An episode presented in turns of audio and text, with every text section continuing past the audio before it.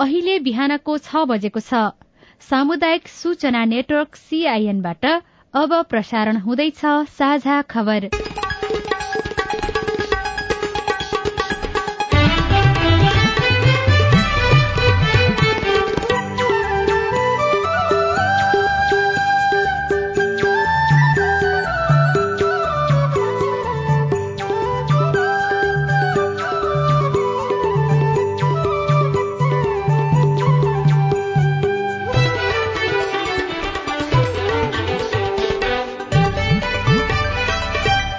शुभ प्रभात। यो सीआईएनको साझा खबर हो। उषा तामाङसँगै राजन रुचालको तपाईँलाई स्वागत छ। सामुदायिक रेडियोबाट देशैभरि एकैसाथ प्रसारण भइरहेको साझा खबर सीआईएन खबर डट कम र मोबाइल एप सीआईएनबाट पनि सुन्न सकिन्छ।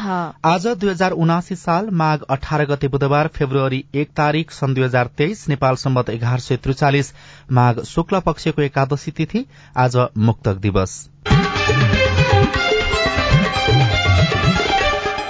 साझा खबरमा प्रमुख खबरका शीर्षकहरू। सत्ता गठबन्धनमा असन्तुष्टि राष्ट्रपति चयनबारे एमाले र माओवादी बीचमा अविश्वास बढ़दै रविलाई गृहमन्त्री बनाउनु पर्ने दबाव प्रधानमन्त्री प्रचण्ड फैसलाको पूर्ण पाठ पर्खँदै। आटा र चामलको भाव महँगियो। मूल्यवृद्धि नियन्त्रणमा सरकारको चासो देखिएन।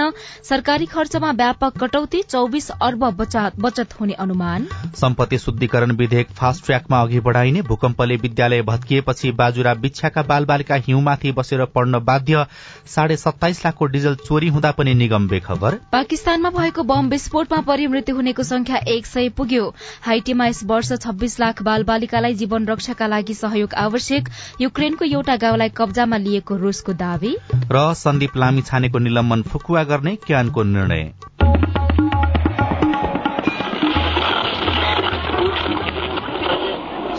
रेडियो।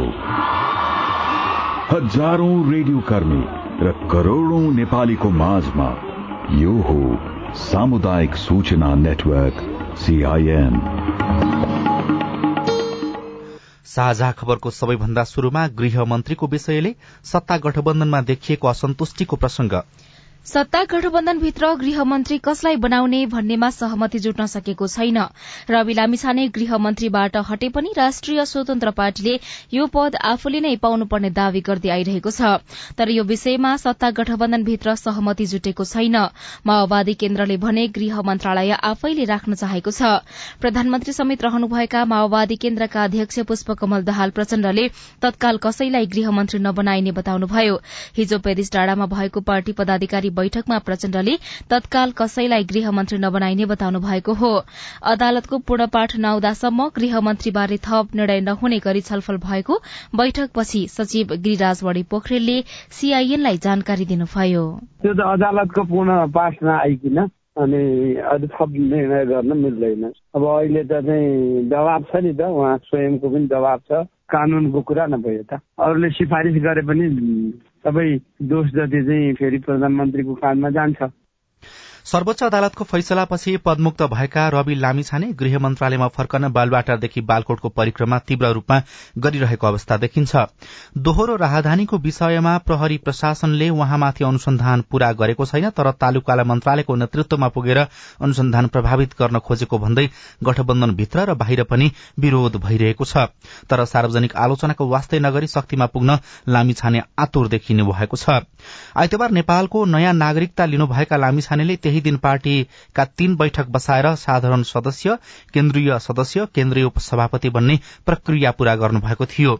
साँझ बालबाटार पुगेर उहाँले उप प्रधानमन्त्री तथा गृहमन्त्रीमा दावी गर्नुभएको थियो। प्रधानमन्त्री पुष्पकमल दाहाल प्रचण्डबाट सकारात्मक जवाफ नपाएपछि उहाँ राति नै एमाले अध्यक्ष केपी शर्मा ओलीलाई भेट्न बालकोट पुग्नु भएको थियो। सोमबार पनि ओलीसँग भेट गर्नुभएका लामिछाने मंगलबार बिहान प्रधानमन्त्री प्रचण्डलाई भेट्न बालुवाटार पुग्नु भएको थियो। प्रधानमन्त्री प्रचण्डले माओवादी बैठकमा पनि यो विषयमा चर्चा गर्नुभएको थियो। लामिछानेलाई पुनर्बहाल गर्न एमाले अध्यक्ष ओली र स्वयं लामिछानेबाट लगातार दबाव आए पनि कानूनी राज्यको सम्मान गर्दै उहाँलाई तत्काल जिम्मेवारी दिन गाह्रो हुने प्रचण्डको भनाई गरिरहेको थियो। लामिछानेसँग मंगलबारको भेटमा प्रधानमन्त्री प्रचण्डले सकारात्मक जवाफ दिनुभएको थिएन। सत्ताको आसक्ति मात्रै होइन शक्ति बाहिर बसे दोहोरो राहदानीको अनुसन्धान तीव्र हुन सक्ने डरले पनि रवि लामिछाने ग्रस्त देखिएको कतिपयले विश्लेषण गरेका छन्। विडम्बना भनेर कतिपयले भनेका छन् र वैकल्पिक सपना बोकेर स्वतन्त्र पार्टीमा आबद्ध आशलाग्दो युवा पंक्ति पनि स्वार्थको द्वन्द प्रेरित नेताको कदमप्रति नतमस्तक बन्नु राम्रो नभएको कतिपयको भनाइ छ। कान्तिपुर दैनिकले रविको भोक भए भनेर विश्लेषण सहितको खबर छापेको छ। सत्ता गठबन्धनका ठूला दल एमाले र माओवादी बीच सत्ता बाँडफाँट पूर्व सहमति सम्बन्धी अविश्वासले दूरी बढ़ने संकेत देखिएको छ। सरकारलाई विश्वासको मत दिएकाले प्रमुख प्रतिपक्षी कांग्रेस सहितको राष्ट्रिय सहमतिमा राष्ट्रपति चयन गर्नुपर्ने पक्षमा प्रधानमन्त्री प्रचण्ड हुनुहुन्छ।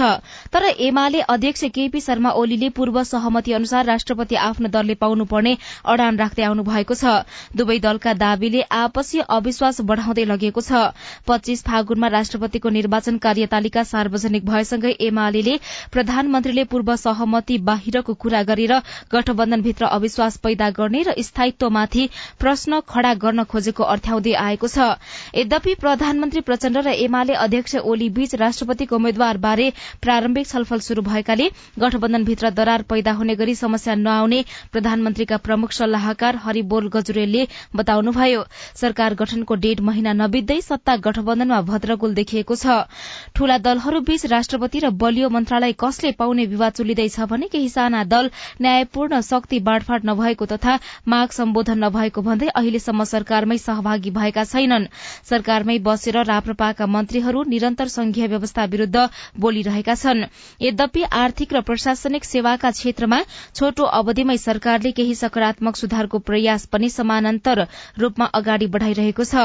गृह मन्त्रालय नै चाहिने रासोपाको ढिप्पीले मतभेद बढ़दै गएको छ भने निरन्तर संघीयता विरोधी अभिव्यक्ति दिइरहनुभएका राप्रपाका मन्त्रीहरूलाई सम्हाल्नै गाह्रो देखिएको छ। भागवण्डामा हेपिएको भन्दै जसपा अझै सरकार बाहिर छ भने सुदूरपश्चिम सरकारलाई नागरिक उन्मुक्ति पार्टीको अडचन देखिएको छ र सहमति अनुसार मन्त्रालय नपाएको भन्दै जनमत पार्टी पनि असन्तुष्ट देखिएको छ। अब आर्थिक प्रसंग संघीय संचिति कोष नब्बे अर्ब रूपियाँ घाटामा रहेको भन्दै अर्थ मन्त्रालयले सबै सरकारी निकायको बीस प्रतिशत बजेट कटौती र खर्च रोकाको निर्णय गरेको छ। यसबाट चालू आर्थिक वर्ष सरकारको चौविस अर्ब पचास करोड़ रूपियाँ जोगिने मन्त्रालयको निष्कर्ष छ। वैदेशिक ऋणको सामा ब्याज भुक्तानी गर्न विनियोजन गरिएको रकम अपर्याप्त भई नेपाल सरकारले संकलन गर्ने राजस्वबाट थप विनियोजन गर्नुपर्ने भएको छ प्राप्त मन्त्रालयको टिपोटमा भनिएको छ। चालू शीर्षकमा विनियोजन गरिएको रकम कटौती गर्नुका साथै केही शीर्षकको रकम रोक्का राख्नुपर्ने अवस्था आएको बताइएको छ। मन्त्रालयका अनुसार चालू आर्थिक वर्षको साढे छ महिना बित्दा सरकारले आमदानी भन्दा नब्बे अर्ब रूपियाँ बढ़ी खर्च गरेको हो। महालेखा नियन्त्रक कार्यालयको तथ्याङ्कले भने माघ सोह्र गते एक खर्ब नौ अर्ब रूपियाँ घाटा भएको देखाएको छ। जस अनुसार खर्च छ खर्ब बीस अर्ब भएको छ। आमदानी भने पाँच अर्ब एघार पाँच खर्ब एघार अर्ब मात्रै भएको देखिएको छ। वैदेशिक ऋणको सामा तथा ब्याज भुक्तानी गर्न विनियोजन गरिएको रकम अपर्याप्त हुन गएकाले नेपाल सरकारको स्रोतमा चाप परेको छ। मन्त्रालयका प्रवक्ता आनन्द काफ्लेले मंगलबार साँझ जारी गरेको प्रेस विज्ञप्तिमा भनिएको छ। ऋण तिर्न सरकारले राजस्वबाट थप विनियोजन गर्नुपर्ने देखिएको छ। सोही कारण सरकारले चालू शीर्षकमा विनियोजन बजेट कटौती गर्नुका साथै केही शीर्षकको रकम रोक्का राख्नुपर्ने अवस्था आएको प्रवक्ता काफ्लेले बताउनु भएको छ। आमदानी न्यून हुँदा राष्ट्रिय गौरव र रूपान्तरणकारी आयोजना तथा रोजगारी सृजनामा महत्वपूर्ण योगदान गर्ने आयोजना तथा कार्यक्रममा स्रोतको व्यवस्थापन गर्न असहज भएको विज्ञप्तिमा उल्लेख गरिएको छ। अर्कोतर्फ प्रदेश र स्थानीय तहलाई दिनुपर्ने भुक्तानी गर्न पनि असजिलो अवस्था आएको बताइएको छ। प्रधानमन्त्री पुष्पकमल दाहाल प्रचण्डले निर्णय प्रक्रिया र सरलीकरण गरी छिटो छरितो कार्य सम्पादन गर्न मातहतका निकायलाई निर्देशन दिनुभएको छ। प्रधानमन्त्री तथा मन्त्री परिषदको कार्यालय मातहतका निकाय र कार्यालयहरूको बैठकमा मंगलबार उहाँले यस्तो निर्देशन दिनुभएको हो। उच्च स्तरीय प्रशासन सुधार आवश्यक रहेको चर्चा गर्नुहुँदै प्रधानमन्त्री प्रचण्डले भन्नुभयो उच्च स्तरीय प्रशासन सुधार कार्यदल बनाउने कुरामा मेरो ध्यान गएको छ। अनावश्यक कार्यालय हटाउने दोहोरो कार्य बोझ हटाउने अनावश्यक कर्मचारी र खर्च घटाएर प्रशासन यन्त्र र सेवा प्रवाहलाई चुस्त बनाउन आवश्यक छ। प्रधानमन्त्रीका प्रेस संयोजक सूर्य किरण शर्माका अनुसार बैठकमा साइबर सुरक्षा एकीकृत डाटा प्रणालीको व्यवस्थापन एकीकृत र प्रभावकारी सूचना प्रणालीमा प्रधानमन्त्रीले जोड़ दिनुभएको छ। नेपालमा राजनैतिक तह र सार्वजनिक पदमा बसेका व्यक्तिले सबैभन्दा धेरै भ्रष्टाचार गर्ने गरेको एउटा अध्ययनले देखाएको छ। ट्रान्सपरेन्सी इन्टरनेशनल नेपालद्वारा मंगलबार सार्वजनिक भ्रष्टाचार अवधारणा सूचकांक सीपीआई दुई हजार बाइसको प्रतिवेदनमा न्यायालय संसद सुरक्षा निकाय लगायतका पदाधिकारी प्रतिनिधिद्वारा निजी स्वार्थका लागि सार्वजनिक पदको दुरूपयोग गरी भ्रष्टाचार गरेको देखिएको छ। संसद कार्यपालिका र न्यायपालिकामा बढ़ी भ्रष्टाचार भएको प्रतिवेदनमा उल्लेख छ। प्रतिवेदन अनुसार नेपाल भ्रष्टाचार हुने मुलुकमा चौतिस अंक प्राप्त गरी एक सय दशौं स्थानमा सूचीकृत भएको छ। विश्वभरका एक सय अस्सी देशमा वर्षेनी गरिने भ्रष्टाचारको अध्ययनमा नेपालले सुधार गर्न सकेको देखिँदैन। गत वर्ष तेत्तीस अंक पाएर एक सय सत्रौं स्थानमा रहेको नेपाल यसपटक भने अंकमा झिनो सुधार गरे पनि भ्रष्टाचार भने स्थिर देखिएको छ। सार्वजनिक पदको दुरूपयोग राजनीतिक भ्रष्टाचार न्यायालय संसद र सुरक्षा निकायका पदाधिकारी प्रतिनिधिले गरेको पदको दुरूपयोगमा नेपालले सबैभन्दा कम तीस अंक पाएको छ। यी विषयमा गत वर्ष पनि तीस अंक नै पाएको थियो। सर्वेक्षणहरूमध्ये सरकारद्वारा सार्वजनिक पदाधिकारीको काम कार्यवाही निगरानी नागरिक समाजलाई राज्यको समानमा सूचनामा पहुँच र सीमित व्यक्तिको राज्य सञ्चालनमा पकड़ अनि आयात निर्यात सार्वजनिक सेवा कर भुक्तानी ठेक्का पट्टा र न्यायिक निर्णयमा भ्रष्टाचार व्यापार व्यवसाय ठेक्का पट्टा आयात निर्यातमा घुस र भ्रष्टाचारलाई आधार मान्ने गरिएको छ। त्यसै गरी पदको दुरूपयोगमा सार्वजनिक पदाधिकारीमाथि कतिको कार्यवाही हुन्छ र भ्रष्टाचारको सरकार सरकारको भ्रष्टाचार नियन्त्रणको प्रयास कतिको सफल छ भनेर सर्वेक्षण गर्ने गरिएको छ। त्यसमा पनि नेपालको अवस्था त्यति राम्रो नदेखिएको खबरमा उल्लेख गरिएको छ।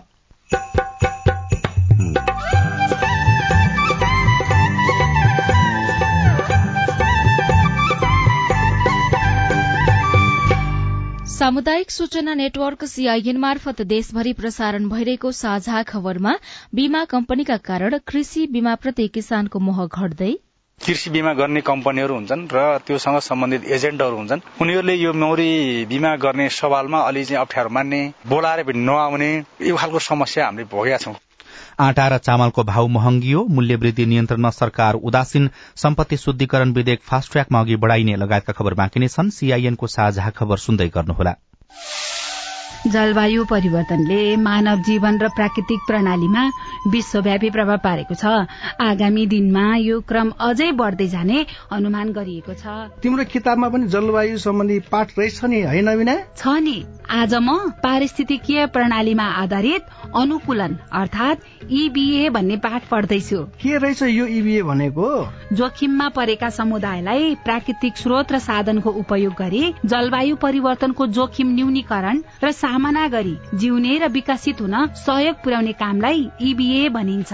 जलवायु परिवर्तनको प्रतिकूल प्रभावको सामना गर्न समुदायहरूलाई सहयोग पुर्याउने यो एउटा नयाँ अवधारणा हो। ए अनि खेती किसानी गर्ने हामीलाई पनि यसले फाइदा गर्छ? गर्छ नि। सुक्खा ठाउँहरूमा कम चिस्यानमा हुर्कन सक्ने बाली नाली लगाउने अनि पहिरो जान सक्ने क्षेत्रमा पहिरो रोकथाम गर्न सक्ने र उपयोगी बिरुवा लगाउने। समुदायलाई फाइदा हुने गरी वन चरण पानीको मुहान जस्ता स्रोतको दिगो व्यवस्थापन गर्ने कामहरू इबी अन्तर्गत पर्छन् क्या। उसो भए त यो गजबको कुरा रहेछ त। हो त नि। धेरै गजबको कुरा हो। इबिए को योजना तयारी र कार्यान्वयन गर्दा स्थानीय जनताको सहभागिता आदिवासी जनजाति संरक्षण कर्मी प्राकृतिक स्रोत व्यवस्थापन अभियन्ता र निजी क्षेत्रका सरोकारवालाहरू बीच पनि समन्वय चाहिन्छ। जलवायु परिवर्तनले निम्ताएका चुनौतीको सामना गर्न जमिन जल र प्राकृतिक स्रोत व्यवस्थापनका सर्वोत्तम उपलब्धिहरूको कार्यान्वयन गरौं। पारिस्थितिकीय प्रणालीमा आधारित अनुकूलन आयोजना जलवायु परिवर्तन तथा व्यवस्थापन महाशाखा वन तथा वातावरण मन्त्रालय र सीआईएन।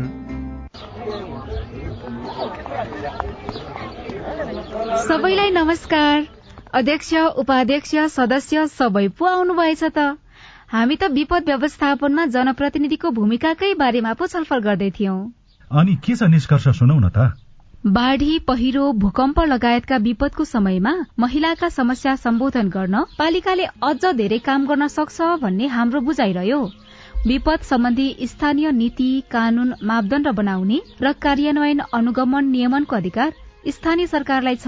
त्यसमा महिलाको पनि सहभागिता बढाउनु पर्यो। पालिकाको अध्यक्ष मै छु। पाएको अधिकार अनुसार हामी बनेको कानून कार्यान्वयन गर्ने अनि आवश्यक कानून बनाउने चरणमै छौ। अब तपाईँका सुझाव पनि समेटिन्छन् है। विपदको तयारी र प्रतिकार्यका लागि पालिकामा रहेको संयन्त्र र योजना अनि नीतिहरू महिला बालबालिका अपाङ्गता भएका यौनिक अल्पसंख्यक समुदायका व्यक्तिको आवश्यकतामा आधारित हुनु पर्यो अध्यक्षज्यू। दिदी बहिनीहरूले सही कुरा उठाउनु भयो यहाँ उठेका सबै कुरा कार्यपालिकाको बैठकमा राख्ने प्रतिबद्धता जनाउँदै बरु अध्यक्षज्यू अहिलेसम्म बनेका कानून कस्तो बने? अनि भविष्यमा कस्तो बनाउने भन्ने बारे भोलि नै एउटा छलफल राखौँ न हुन्न? विपद पहिले विपदको बेला र विपद पछि कस्तो नीति बनाउने र महिलालाई कसरी सम्बोधन गर्ने भन्ने बारेमा भोलि नै सर्वपक्षीय बैठक गरौं। आएका सुझाव समेटेर बनेका कानून संशोधन र नयाँ कानून बनाउन पालिका तयार छ। विपद सम्बन्धी कानून निर्माण र कार्यान्वयनमा महिलाको अर्थपूर्ण सहभागिता खोजौं। युएन उमनको सहयोगमा ल्याक र अकोराब नेपाल। सामाजिक रूपान्तरणका लागि यो हो सामुदायिक सूचना नेटवर्क सीआईएन तपाईँले देशभरिका सामुदायिक radio CIN Khabar dot com र मोबाइल एप सीआईएनबाट एकैसाथ साझा खबर सुन्दै हुनुहुन्छ। अब आज काठमाडौँबाट प्रकाशित पत्र पत्रिकाका खबर। गोर्खापत्र दैनिकको अर्थ बजार पृष्ठमा महँगियो आटा चामल। शीर्षकमा सीता शर्मा लेख्नुहुन्छ पछिल्लो चार महिना यता बजारमा चामल मैदा आटाको मूल्य अत्यधिक बढ़ेको छ। नेपाल खुद्रा व्यापार संघका अनुसार कार्तिक यता आटा प्रति केजी पच्चीस रूपियाँ र मैदा प्रति केजी बीस रूपियाँ बढ़ेको छ। त्यसयता चामल पनि प्रति केजी दस रूपियाँदेखि अठार रूपियाँसम्म बढ़ेको छ। संघका अध्यक्ष पवित्र वज्राचार्यका अनुसार ठूला व्यापारीहरूले चामल आटा र मैदाको भाव मनपरी तरिकाले वृद्धि गरेका छन्। उपभोक्ता अधिकार कर्मी माधव तिमल सिन्हाले कृषि तथा पशुपन्छी विकास मन्त्रालय उद्योग वाणिज्य तथा आपूर्ति मन्त्रालयको असक्षमताको प्रत्यक्ष प्रभाव आपूर्ति प्रत्यक्ष प्रभाव बजारमा परेको बताउनुभयो। उपभोक्ता संरक्षण ऐन अनुसार सरकारले बजारको तह र समर्थन मूल्य तोक्ने काम नभएसम्म बजार भावमा सीमित व्यापारीको चलखेल भइरहने उहाँको भनाइ छ। संघका अनुसार जिरा मसिनो चामलको खुद्रा बिक्री मूल्य पचासी रूपियाँबाट प्रति केजी पञ्चानब्बेदेखि सय रूपियाँसम्म पुगेको छ। यस्तै प्रति केजी अस्सी रूपियाँमा पाइने साधारण खाले मैदाको मूल्य अहिले पञ्चानब्बेदेखि सय रूपियाँ पुगेको छ। नयाँ पत्रिकाको अर्थ पत्रिका पृष्ठमा साढे सत्ताइस लाखको डिजल चोरी निगमले पत्तै पाएन शीर्षकमा अजित अधिकारी र गणेश लम्साल। लेख्नुहुन्छ दुई वर्षपछि इन्धन चोरीको घटना पुनः दोहोरिएको छ। नेपाल आयल निगम लिमिटेडको अम्लेकंज बाह्र स्थित मधेस प्रादेशिक कार्यालयबाट विराटनगर स्थित एक नम्बर प्रादेशिक कार्यालयका लागि चलान भएको एउटा ट्याङ्करबाट सत्ताइस लाख बाहन्न हजार रूपियाँ मूल्य बराबरको सोह्र हजार लिटर डिजल चोरी भएको छ। अम्लेकंज डिपोमा बीस हजार लिटर डिजल लोड भएको को एक ख छत्तीस पचपन्न नम्बरको ट्याङ्कर एघार माघमा विराटनगरका लागि निस्केको थियो। एक दिनमै विराटनगर पुग्नुपर्ने ट्याङ्कर तेल खनाउनका लागि पालो कुर्नुपर्ने भएपछि बीच बाटोमै रोकिएको थियो। तर रोकिएको ट्याङ्करका विषयमा विराटनगर स्थित निगमका कर्मचारीले कुनै सोधखोज गरेनन्। सो ट्याङ्कर व्यवहारिसी अवस्थामा चौध माघमा सप्तरीको रूपनीमा प्रहरीले फेला पारेको थियो। कान्तिपुर दैनिकमा सम्पत्ति शुद्धिकरण विधेयक फास्ट ट्र्याकमा शीर्षकमा एगे बन्जाडेले लेख्नु भएको खबर छापिएको छ। सम्पत्ति शुद्धिकरण सम्बन्धी केही ऐनलाई संशोधन गर्न बनेको विधेयकलाई द्रुत गति अर्थात फास्ट ट्र्याकमा अघि बढ़ाइने भएको छ। अर्थ मन्त्रालयमा बसेको सम्पत्ति शुद्धिकरण सम्बन्धी राष्ट्रिय पुनरावलोकन परिषद बैठकले मंगलबार सम्पत्ति शुद्धिकरण निवारण तथा व्यावसायिक वातावरण प्रवर्धन सम्बन्धी केही ऐनलाई संशोधन गर्न बनेको विधेयकलाई फास्ट ट्र्याकमा अघि बढ़ाउने निर्णय गरेको हो। विधेयकको मस्यौदालाई आगामी आइतबारसम्म मन्त्री परिषदमा पेश गर्ने र मन्त्री परिषदले पनि फास्ट ट्र्याकमा नै संघीय संसदमा पठाउने उपप्रधान तथा अर्थमन्त्री विष्णु पौडेलले बताउनु भएको छ। सम्पत्ति शुद्धिकरण सम्बन्धी प्रावधानहरूको प्रभावकारी कार्यान्वयन गरेर अन्तर्राष्ट्रिय रूपमा नेपालको छवि बिग्रन नदिने उहाँको भनाइ छ। वित्तीय अपराध नियन्त्रणका लागि समयमै कानून निर्माण गर्न नसक्दा नेपाल कालो सूचीमा पर्ने जोखिम बढ़ेको छ। नवनिर्वाचित सभामुख देवराज घिमिरेले लैनचोर स्थित सभामुख निवासमा बस्न अस्वीकार गर्नुभएको छ। बालुवाटार स्थित सभामुखको सरकारी निवासमा राष्ट्रिय सभा अध्यक्ष गणेश तिमल सिन्हा बस्न थालेपछि तत्कालीन सभामुख अग्निप्रसाद सापकोटाले लैनचोर स्थित सरकारी निवासमा कार्यकाल पूरा गरेका थिए। घिमिरेले लैनचोर सर्न नमानेपछि सरकार बालुवाटारमा सरकारी आवासको व्यवस्थापनमा जुटेको छ। संसद सचिवालयले नयाँ आउने सभामुखका लागि भनेर लैनचोर निवासलाई तयारी अवस्थामा राखेको थियो तर नवनिर्वाचित अचेत घिमिरेले त्यहाँ बस्न स्वीकार गरेपछि सरकार बालटारमा सरकारी आवासको व्यवस्थापनमा जुटेको हो। नयाँ पत्रिका दैनिकमा कमलराज भट्टले खबर लेख्नु भएको छ। कान्तिपुर दैनिकमा हिउँमाथि पढ़ाई शीर्षकमा अर्जुन शाहले धनगढ़ीबाट लेख्नु भएको खबर छापिएको छ। बाजुराको विक्षा केन्द्रबिन्दु भएर गत बिहिबार चार दशमलव एक म्याग्निच्यूडको भूकम्प गयो। त्यसको असर सिद्धेश्वरी आवासीय आधारभूत विद्यालयमा पनि पर्यो। बुढीनन्दा नगरपालिका नौ पाण्डुसेनको काँध नजिकै डबकामा रहेको विद्यालय भवन चिराचिरा भए। कक्षा कोठाभित्र बस्न सक्ने अवस्था रहेन केही उपाय नभएपछि विद्यालयले बालबालिकालाई अहिले हिउँले ढपक्क ढापिएको चौरमा राखेर पढ़ाइरहेको छ। कठ्याङ्ग्रिदो जाडोमा हिउँमाथि बसेर पढ्नुपर्ने बाध्यता एकातिर छ भने आवासीय विद्यालय भएकाले त्यही बस्ने बालबालिका जोखिममै रात बिताइरहेका छन् खबरमा उल्लेख गरिएको छ। साझा खबरमा अब हेलो सीआईएन सुनिल राज भारतबाट। नमस्कार म चाहिँ भूषण कराल पोस्टरबाट मेरो लाइसेन्समा चाहिँ नाम निक्लियो तर मेरो प्रवेश कार्ड हराएको कारणले कसरी निकाल्न सकिन्छ होला लाइसेन्स? तपाईँको समस्या कसरी समाधान हुन्छ? हामीले शिक्षक सेवा आयोगका सूचना अधिकारी सुदर्शन मराठालाई सोधेका छौं। तपाईँले चाहिँ licence TSC dot gov dot एनपीमा जसरी तपाईँले यसभन्दा अगाडि अध्यापन अनुमति पत्रको दरखास्त फारम भर्नु भएको थियो त्यही ठाउँमा तपाईँको आफ्नो इमेल एड्रेस र पासवर्ड हालेर दरखास्त पेश गरेको विवरणमा जाने त्यहाँ क्लिक गरिसकेपछि त्यो प्रवेश पत्र चाहिँ डाउनलोड गर्नुहोस् प्रिन्ट गर्नुहोस् भन्ने अप्सन आउँछ। त्यसरी तपाईँले चाहिँ आफ्नो प्रवेश पत्र प्रिन्ट गरेर लिएर गएर चाहिँ तपाईँ अध्यापन अनुमति पत्र लिन सक्ने कुरा म जानकारी गराउँदैछु नमस्कार मेरो नाम मसिना विक काभ्रे नवबुद्ध नगरपालिका वडा नम्बर दुई मैले विवाह गरेको जिल्ला जुम्ला हो तर मेरो नागरिकता मेरो सबै कुरा मेरो लाल सुधाहरू पनि काभ्रेबाटै छ अपाङ्ग भत्ता जुम्लाबाट खाएको छु तर बिहा दत्ता चाहिँ मेरो छ जुम्लाबाट अपाङ्ग भत्ता काभ्रेबाटै खानको लागि मैले के गर्नुपर्छ जवाफ दिँदै हुनुहुन्छ नमबुद्ध नगरपालिका काभ्रेका महिला बालबालिका तथा समाज कल्याण उपशाखाका अधिकृत तारा देवी सुनुवार। दोहोरो नपरोस् भन्नको लागि जुम्लाबाट बसाइसर आएको हो भन्ने प्रुफ भएपछि नमबुद्ध नगरपालिकाबाट उहाँलाई कार्ड दिन भत्ताको लागि इन्ट्री गराउन मिल्छ। भनेपछि उहाँले बसाइसराई गर्नु पर्यो जग्गा मात्रै त सबैको हुन्छ नि त। यही पर्मानेन्ट बस्नु हुने हो। उहाँ भन्ने कुरा प्रमाण भएपछि तुरुन्तै हुन्छ उहाँको। नमस्कार म विगन कुमार यादव रौतहट जिल्लादेखि। इलाका प्रशासन कार्यालयबाट बनेको नागरिकता र इलाका प्रशासन कार्यालयबाट जारी गरेको मधेसी प्रमाणितले कुनै सरकारी सेवामा फर्म भर्दा समस्या आउँदैन नि। जानकारी गराउँदै हुनुहुन्छ जिल्ला प्रशासन कार्यालय रौतहटका प्रशासकीय अधिकृत मणिभूषण शाह। इलाका प्रशासन भन्नु त त्यो उसकै लागि हो कि नदीको लागि अब जिल्ला आउनु पर्दैन अब टाढा पर्छ भनेर इलाका प्रशासन स्थापना गरेको हुन्छ। त्यहाँबाट जारी हुने अब नागरिकता मधेसी प्रमाण सिपाही अन्य सबै त्यो जिल्लाले जारी गरेछ र यो। तपाईँ जुनसुकै बेला हाम्रो टेलिफोन नम्बर शून्य एक बाहन्न साठी छ चार छमा फोन गरेर आफ्नो विचार प्रश्न गुनासो तथा प्रतिक्रिया रेकर्ड गर्न सक्नुहुनेछ। साझा खबरमा अब देशका खबर। पाकिस्तानको पेशावर शहरमा प्रहरीलाई लक्षित गर्दै मस्जिदमा आत्मघाती बम विस्फोट हुँदा मृत्यु हुनेको संख्या एक सय पुगेको छ। भग्नावशेष क्षेत्रबाट नौजनाको जीविती उद्धार गरिएको छ। उच्च सुरक्षा क्षेत्रभित्र रहेको मस्जिदमा कसरी बम विस्फोट भयो भन्नेबारे अनुसन्धान भइरहेको अधिकारीहरूले बताएका छन्। रूसले युक्रेनको पूर्वी डोनेस क्षेत्रमा पर्ने एउटा गाउँ कब्जा गरेको बताएको छ। उत्तरी क्षेत्रको बागमोट नजिकै रहेको ब्लाहोदत्ने गाउँलाई हवाई सहयोगमा कब्जा गरिएको रूसी रक्षा मन्त्रालयले जारी गरेको विज्ञप्तिमा उल्लेख गरिएको छ। र हाइटीमा ठूलो संख्यामा बालबालिकाको जीवन रक्षाको खाँचो रहेको देखिएको छ। त्यहाँका लाखौं बालबालिकालाई यस वर्ष यस्तो आवश्यकता पर्ने देखिएको संयुक्त राष्ट्र संघले जनाएको छ। संयुक्त राष्ट्र संघले जनाए अनुसार हाइटीका छब्बीस लाख बालबालिकालाई जीवन रक्षाका लागि सहयोग आवश्यक देखिएको छ। साझा खबरमा अब खेल खबर पोखरामा चलिरहेको क्यानको बोर्ड बैठकले बलात्कारका अभियुक्त क्रिकेटर सन्दीप लामिछानेमाथिको निलम्बन फुकुवा गरेको छ। तर नाबालिग बलात्कारको अभियोग लागेका क्रिकेटर लामिछानेलाई थुनामै राख्न माग गर्दै महान्यायाधिवक्ताको कार्यालय भने सर्वोच्च अदालत गएको छ।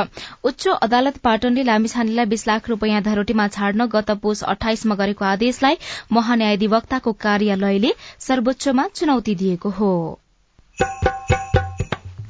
कृषि बीमाका लागि कम्पनीको उदासीनता रेडियो रिपोर्ट अरू खबर र कार्टुन पनि बाँकी नै छ। सीआईएनको साझा खबर सुन्दै गर्नुहोला। सीआईएनको साझा खबर अब नेपाली पात्रोमा पनि। स्थानीय राष्ट्रिय तथा अन्तर्राष्ट्रिय समाचार नेपाली एफएम तथा अनलाइन रेडियोहरू एकै ठाउँमा सुन्न तिथि मिथि तथा पञ्चाङ्ग सम्बन्धी सबै जानकारी लिन।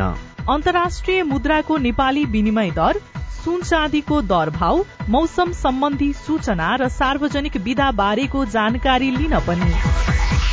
नेपाली पात्रो अब तपाईँको मोबाइलमा। सामाजिक रूपान्तरणका लागि यो हो सामुदायिक सूचना नेटवर्क सीआईएन साझा खबरमा अब कृषि बीमा र कठिनाईको प्रसंग।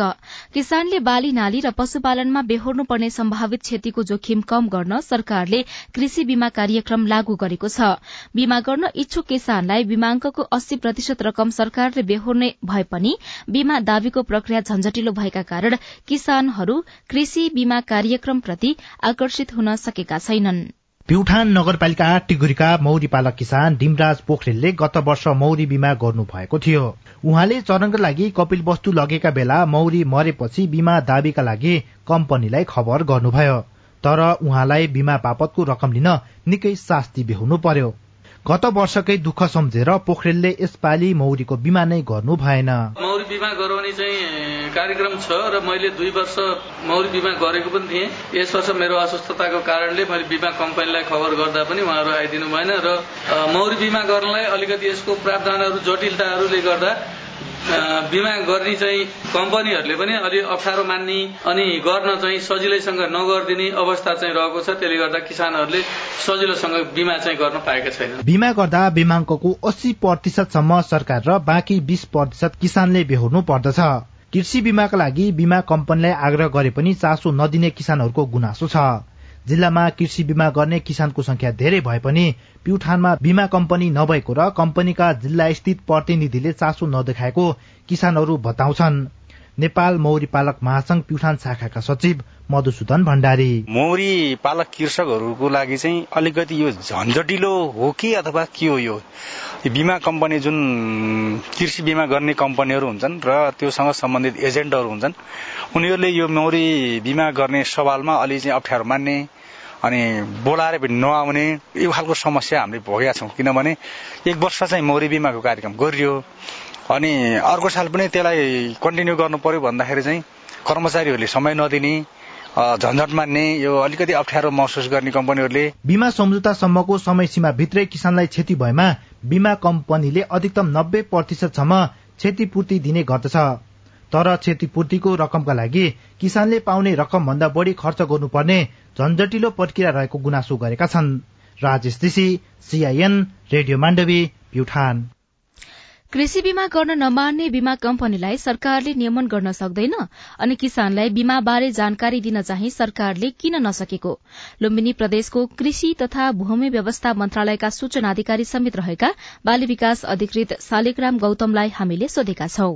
बिमा कम्पनीहरूले कृषि र पशुपन्छीतर्फको बिमा चाहिँ बिमा गएर बालीको निरन्तर हेरिराख्नुपर्ने अनि त्यहाँको वस्तुगतको विवरणहरू लिइराख्नुपर्ने पशु पन्छीहरू अथवा बालीहरू धेरै नोक्सान हुँदाखेरि त्यहाँको चाहिँ नि जस्तै पशु मर्यो भने त्यसको मुचुल्का तयार पार्नुपर्ने त्यसको विवरण चाहिँ नि चार प्रति फोटो खिचेर चाहिँ राख्नुपर्ने अनि बालीहरूको पनि वृद्धि अवस्था अनुसारको चाहिँ नि हेरिराख्नुपर्ने अनि त्यसको आधारमा चाहिँ यदि कोही नोक्सान भयो आगो लागि केही भयो अथवा चाहिँ नि ढल्यो भने त्यसको विवरण लिनुपर्ने यी यावत कुरा निरन्तर अनुगमन गर्नुपर्ने पक्ष छ। त्यो पक्ष चाहिँ उहाँहरूले झन्झट मानेको कारणले गर्दा बिमा कम्पनीहरू चाहिँ नि अहिले बाली बिमा पशुपन्छी बिमा गर्न नचाहिरहनु भएको अवस्था हो। प्रदेश सरकारले हामीले बिस पर्सेन्ट पनि टपअप गरिदिने किसानले अनि अस्सी पर्सेन्ट सङ्घीय सरकारले गरेर लुम्बिनी प्रदेशमा केसमा त उहाँले बिमा फ्रीमै पाउन सक्नुहुन्छ किसानहरूले बिमा गर्न सक्नुहुन्छ। त्यो कुरा चाहिँ किसानले नबुझेको भएर हो कि अथवा बिमा कम्पनी र उनीहरूका एजेन्टलाई तपाईँहरूले बुझाउन नसकेर पो हो कि यतातिर चाहिँ तपाईँहरूको ध्यान पुगेको छ कि छैन? हाम्रो पनि जिम्मेवारी हो उहाँहरूलाई सजीकरण गराउने। किसानहरूले पनि कहाँबाट बिमा गराउनुहुन्छ भन्ने कुरा अझै पनि थाहा छैन किसानहरूलाई कहाँबाट कसरी गर्नुहुन्छ भन्ने कुरा। उहाँहरू स्थानीय तह अथवा हाम्रो कृषि ज्ञान केन्द्र विकी केन्द्रहरूमा उहाँले सम्पर्क गर्नुभयो भने त्यहाँ मार्फत उहाँले सेवा लिन सक्नुहुन्छ। तर बिमा कम्पनीहरूलाई पनि त तपाईँहरूले चाहिँ दायित्व बोध गराउनु पर्यो नि त। तिमीहरूले चाहिँ यो काम गर्नै पर्छ है जसरी पनि। त्यतातिर चाहिँ तपाईँहरू अलिकति चुक्नु भयो र? तपाईँहरूको क्षमता पुगेन। जनतासँग पुग्न सक्नु भएको छैन। तपाईँहरूको दायित्व हरेक जिल्लामा एउटा एउटा कम्पनी तोकिएको त्यो अनुसार तोकिएको अनुसार तपाईँले जिम्मेवारी पुरा गर्न सक्नु भएको छैन भनेर हामीले विभिन्न गोष्ठीहरूमा लिखित रूपमा दिने अनि उहाँहरूलाई चाहिँ भन्ने मौखिक रूपमा गोष्ठीहरूमा राख्ने कुरा चाहिँ गरिराखेका छौँ। अझै उहाँलाई चाहिँ हामीले एउटा कानुनी तवरले अझै बाँधेर डह्रो बनाउन चाहिँ नसकेको अवस्था चाहिँ हो। कुराकानीसँगै हामी साझा खबरको अन्त्यमा आइपुगेका छौं। सामुदायिक रेडियो प्रसारक संघद्वारा संचालित सीआईएनको बिहान छ बजेको साझा खबर सक्नु अघि मुख्य मुख्य खबर फेरि एकपटक। सत्ता गठबन्धनमा असन्तुष्टि राष्ट्रपति चयनबारे एमाले र माओवादी बीचमा अविश्वास बढ़दै रविलाई गृहमन्त्री बनाउनु पर्ने दबाव प्रधानमन्त्री प्रचण्ड फैसलाको पूर्णपाठ पर्खदै आटा र चामलको भाव महँगियो मूल्यवृद्धि नियन्त्रणमा सरकारको चासो देखिएन सरकारी खर्चमा व्यापक कटौती चौबिस अर्ब बचत हुने अनुमान। सम्पत्ति शुद्धिकरण विधेयक फास्ट ट्र्याकमा अघि बढ़ाइने भूकम्पले विद्यालय भत्किएपछि बाजुरा बिछ्याका बालबालिका हिउँमाथि पढ्न बाध्य। साढे सत्ताइस लाखको डिजल चोरी हुँदा निगम बेखबर। पाकिस्तानमा भएको बम विस्फोटमा परि मृत्यु हुनेको संख्या एक सय पुग्यो। हाइटीमा यस वर्ष छब्बीस लाख बालबालिकालाई जीवन रक्षाका लागि सहयोग आवश्यक हुने। र सन्दीप लामिछानेको निलम्बन फुकुवा गर्ने क्यानको निर्णय। साझा खबरको अन्त्यमा कार्टुन लिएका छौं हामीले मजदूर दैनिकको अनलाइन संस्करणबाट पानसिंह नामबाट यो कार्टुन प्रकाशित भएको छ उहाँले बनाउनु भएको हो। थुप्रै कार्टुनहरू उहाँले बनाउनुहुन्छ। त्यही सन्दर्भमा पछिल्लो पटक गृहमन्त्री रवि लामी छानेको विषयलाई पनि जोड्न खोजिएको छ। नागरिकता विषयलाई लिएर उहाँले मुद्दा पनि खेप्नु पर्यो अदालतले फैसला गर्यो त्यस पछाडि उहाँको गृहमन्त्री पद पनि गयो सांसद पद पनि गयो त्यही कुरालाई व्यङ्ग्य गरिएको छ। र थुप्रै नेपाली नेताहरूको नागरिकता दोहोरो तिहोरो भएको अथवा नागरिकता विवाद सम्बन्धी चाहिँ थुप्रै नेताहरू मुछिएको कुरालाई पनि बाहिर सतहमा ल्याइएको छ टिका टिप्पणी थुप्रै मान्छेहरूले गरिराखेका छन् त्यही कुरालाई व्यङ्ग्य गर्न खोजिएको छ। एकजना पत्रकार नेता जस्ता देखिने व्यक्तिलाई सोधिरहेका छन् पत्रकारको प्रश्न छ तपाईँको पनि नागरिकता छैन रे नि हो नेताज्यू? अनि नेताको जवाब छ कसले भनेको रेबे मसँग झन् तीनवटा नागरिकता छ। हवस् त प्राविधिक साथी सुनिल राज भारतलाई धन्यवाद। अहिलेलाई राजन रुचाल र उषा तामाङ विदा भयौं। तपाईँको आजको दिन शुभ होस्। नमस्कार। यसपछि देशभरिका सामुदायिक रेडियोबाट कार्यक्रम जीवन कार्यक्रम हाम्रो पालिका प्रसारण हुनेछ। सुन्ने प्रयास गर्नुहोला।